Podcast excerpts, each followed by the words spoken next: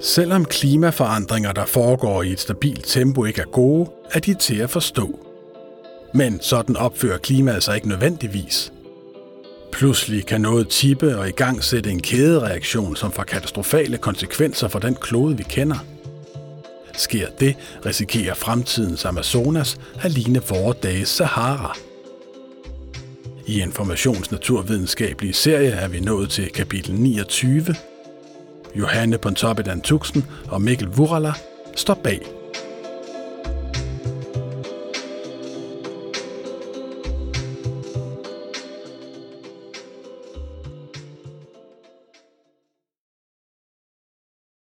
I dag vil der stråle en lille smule mere energi ind fra solen, end jorden vil sende retur til rummet. Det samme vil ske i morgen, og i overmorgen, og i næste uge, og om et år.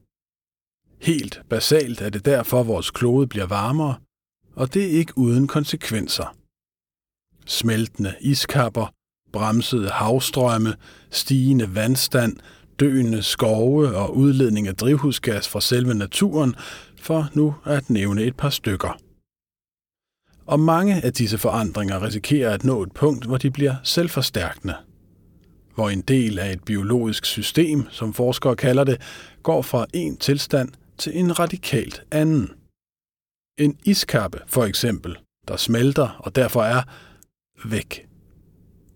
Det kalder man tipping points, og siden årtusindskiftet er klimaforskere begyndt at bide neglene længere og længere ned, for muligvis kan disse tipping points sætte gang i en lavine af forandringer. Det er nemlig muligt, at flere af dem er som sammenkædet stenblokke, der, hvis den første tipper, risikerer at trække de andre med i faldet. Kloden rundt er der identificeret omkring 15-20 tipping points, men nogle er vigtigere end andre. I hvert fald, når det drejer sig om klimaforandringerne. Især de fire følgende er vigtige, for hvis de bliver udløst, kan menneskets chance for at bremse klimaforandringerne være tæt på 0. Så lad os tage dem fra en ende af. Tipping point nummer 1.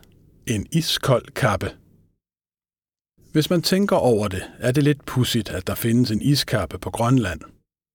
Faktisk ligger landet ikke så nordligt, at det gør noget. Sydspidsen rammer samme breddegrader som Oslo. Men det skyldes, at Grønlands iskappe har overlevet siden sidste istid. Og hvis først en iskappe findes, kan den i princippet blive selvopretholdende. Iskappen er et bjerg af is, og på toppen af bjerget er der, ligesom på toppen af alle andre bjerge, koldt. Deroppe falder der evig sne, som ikke smelter, men langsomt presses sammen og trykker den underliggende sne længere ned. Ned i de lavere luftlag, hvor temperaturen stiger, og endelig helt ned til kysten. Dernede i smeltezonen, som man kalder det, er der varmt. Måske 5 grader om sommeren, men Grønlands iskappe er 2 km høj, så på toppen er der minus 15 grader, og deroppe i frosten bygger ismassen sig op i samme tempo, som isen ved kysten brækker af eller smelter. I princippet i skøn balance. Bortset fra, at balancen er tippet.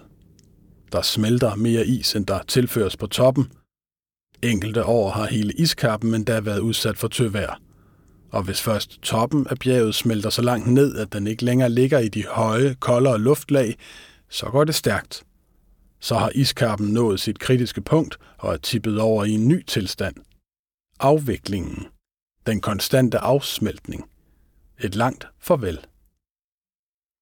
Den samme udflydende historie gentager sig for den vestantarktiske iskappe, som er en del af den gigantiske kappe, der ligger over Sydpolen. Den østlige del af kappen ligger over et landmassiv, men den vestlige del holdes på plads af ishylder, der er gigantiske flade isplader, der kan blive op til en kilometer tykke, og som holder på isen, der ligger på land, som en prop holder på indholdet i en flaske.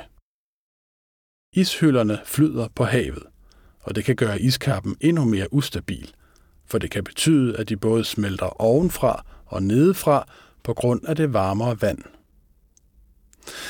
At jorden bliver varmere i toppen og i bunden kan give problemer for resten af kloden.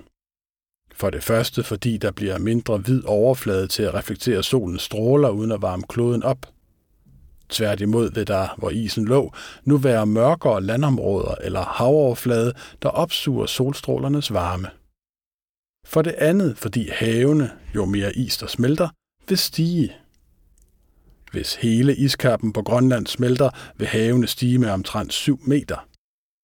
Hvis hele iskappen over Antarktis smelter, taler vi om stigninger på 70 meter. Det gør den nu ikke lige forløbig. Men selv hvis det kun er den vestantarktiske iskappe, der smelter, hvilket den er godt i gang med, så taler vi om havstigninger på omtrent 3,5 meter. Og det er træls for alle, der bor i flade lande som vores, eller nær en hvilken som helst strand kloden rundt. Vi ved ikke, hvor meget temperaturen skal stige, før iskapperne når deres tipping point. Nogle studier siger, at det kan ske for den vestantarktiske ved en temperaturstigning på 1,5 til 2 grader. For den grønlandske iskappe er forskerne dog mere usikre. Den overlevede nemlig forrige mellemistid for 120.000 år siden, hvor Grønland var omkring 3-5 grader varmere end i dag. Tipping point nummer 2. Atlanterhavets pumpe.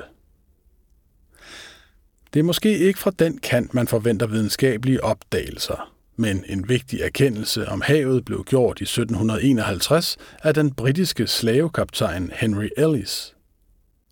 Skibet befandt sig i den subtropiske del af Atlanterhavet, da han en dag bandt en tung beholder til et virkelig langt reb og så den synke.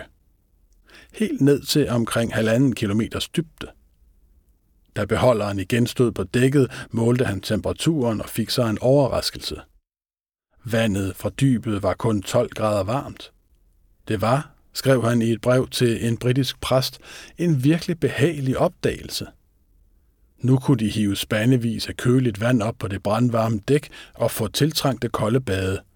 For slet ikke at tale om, hvordan opdagelsen kunne bruges til at køle deres drikkevand og vin.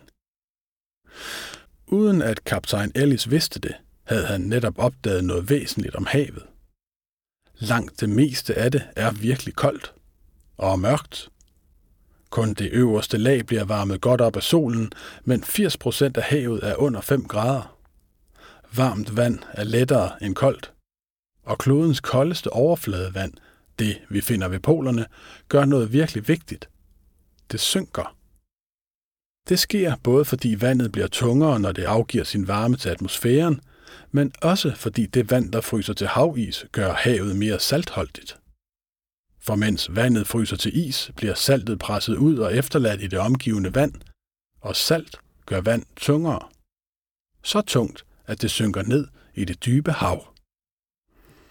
Deroppe ved overfladen, hvor det kolde vand sank ned, fosser det ind med overfladevand fra varmere egne, der lukker hullet, og det er med til at drive oceanernes dybe strømme.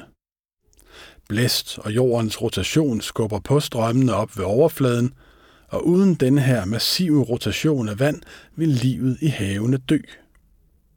Samtidig er det den dybe strøm i Atlanterhavet, som på en mærkeligt passende måde forkortes AMOC, altså amok, der driver det varme vand op til os i Nordeuropa, så vi har et markant varmere klima, end de har i Kanada og Alaska, der ligger på de samme breddegrader. Men når den grønlandske iskappe smelter, sender den en masse ferskvand ud og fortynder det salte vand, så det bliver mindre tungt. Og det kan bremse den dybe strøm. Forskning tyder på, at den siden midten af 1900-tallet allerede er bremset med 15 procent. Spørgsmålet er, hvor meget temperaturen skal stige, før systemet tipper, og amok, som vi kender den, lukkes ned. Det er der delte meninger om, men et adroligt bud er 3-4 grader.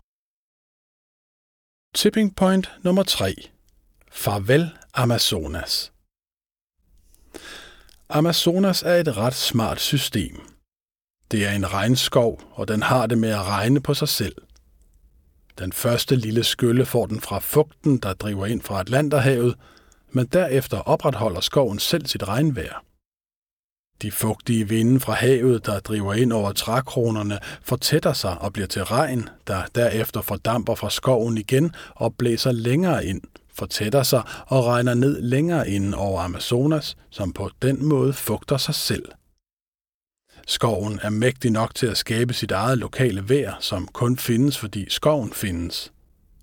Men hvis temperaturændringerne, som det ser ud til, får vindene til at skifte, sådan at den første afgørende regnskylle forsvinder, kollapser hele Amazonas' selvvandende system.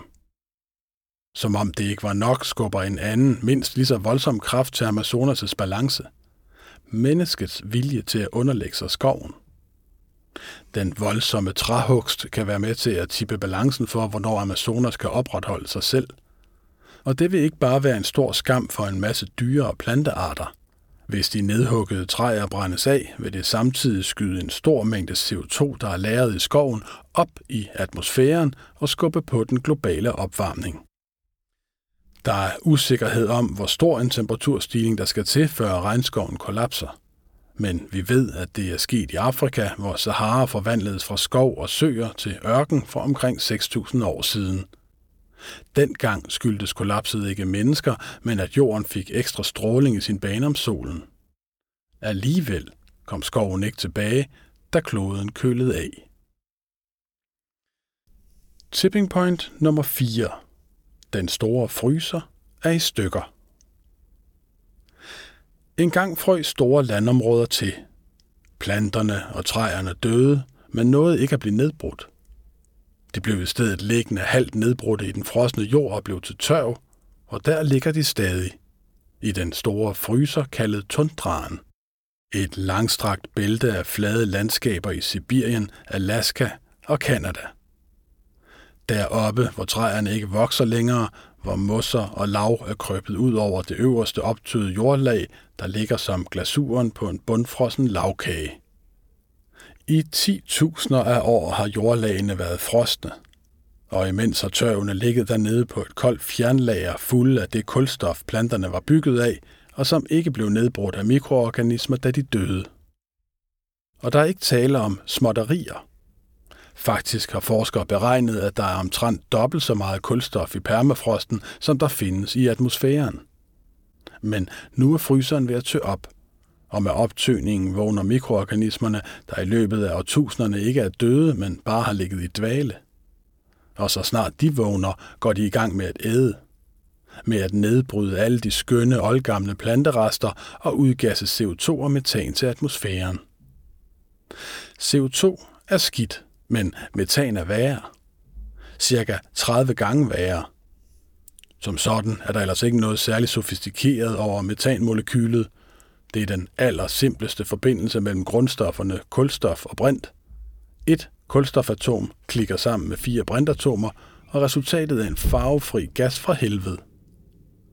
Befinder metan sig først i atmosfæren, fastholder det nemlig 30 gange mere varme end det udskilte CO2-molekyle – den gode nyhed er, at metan hurtigt forsvinder igen.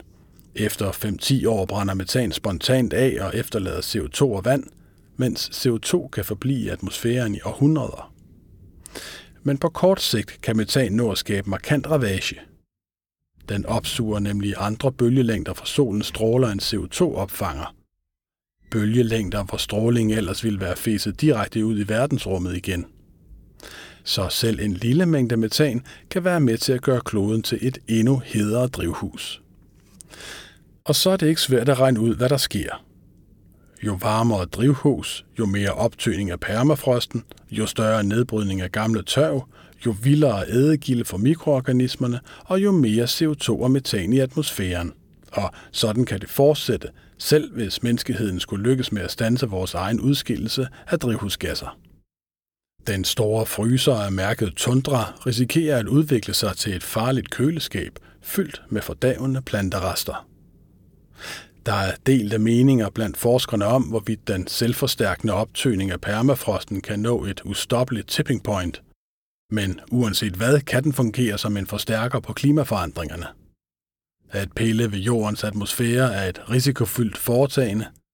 En enkelt ærgerlig udvikling risikerer at få det hele til at løbe løbsk.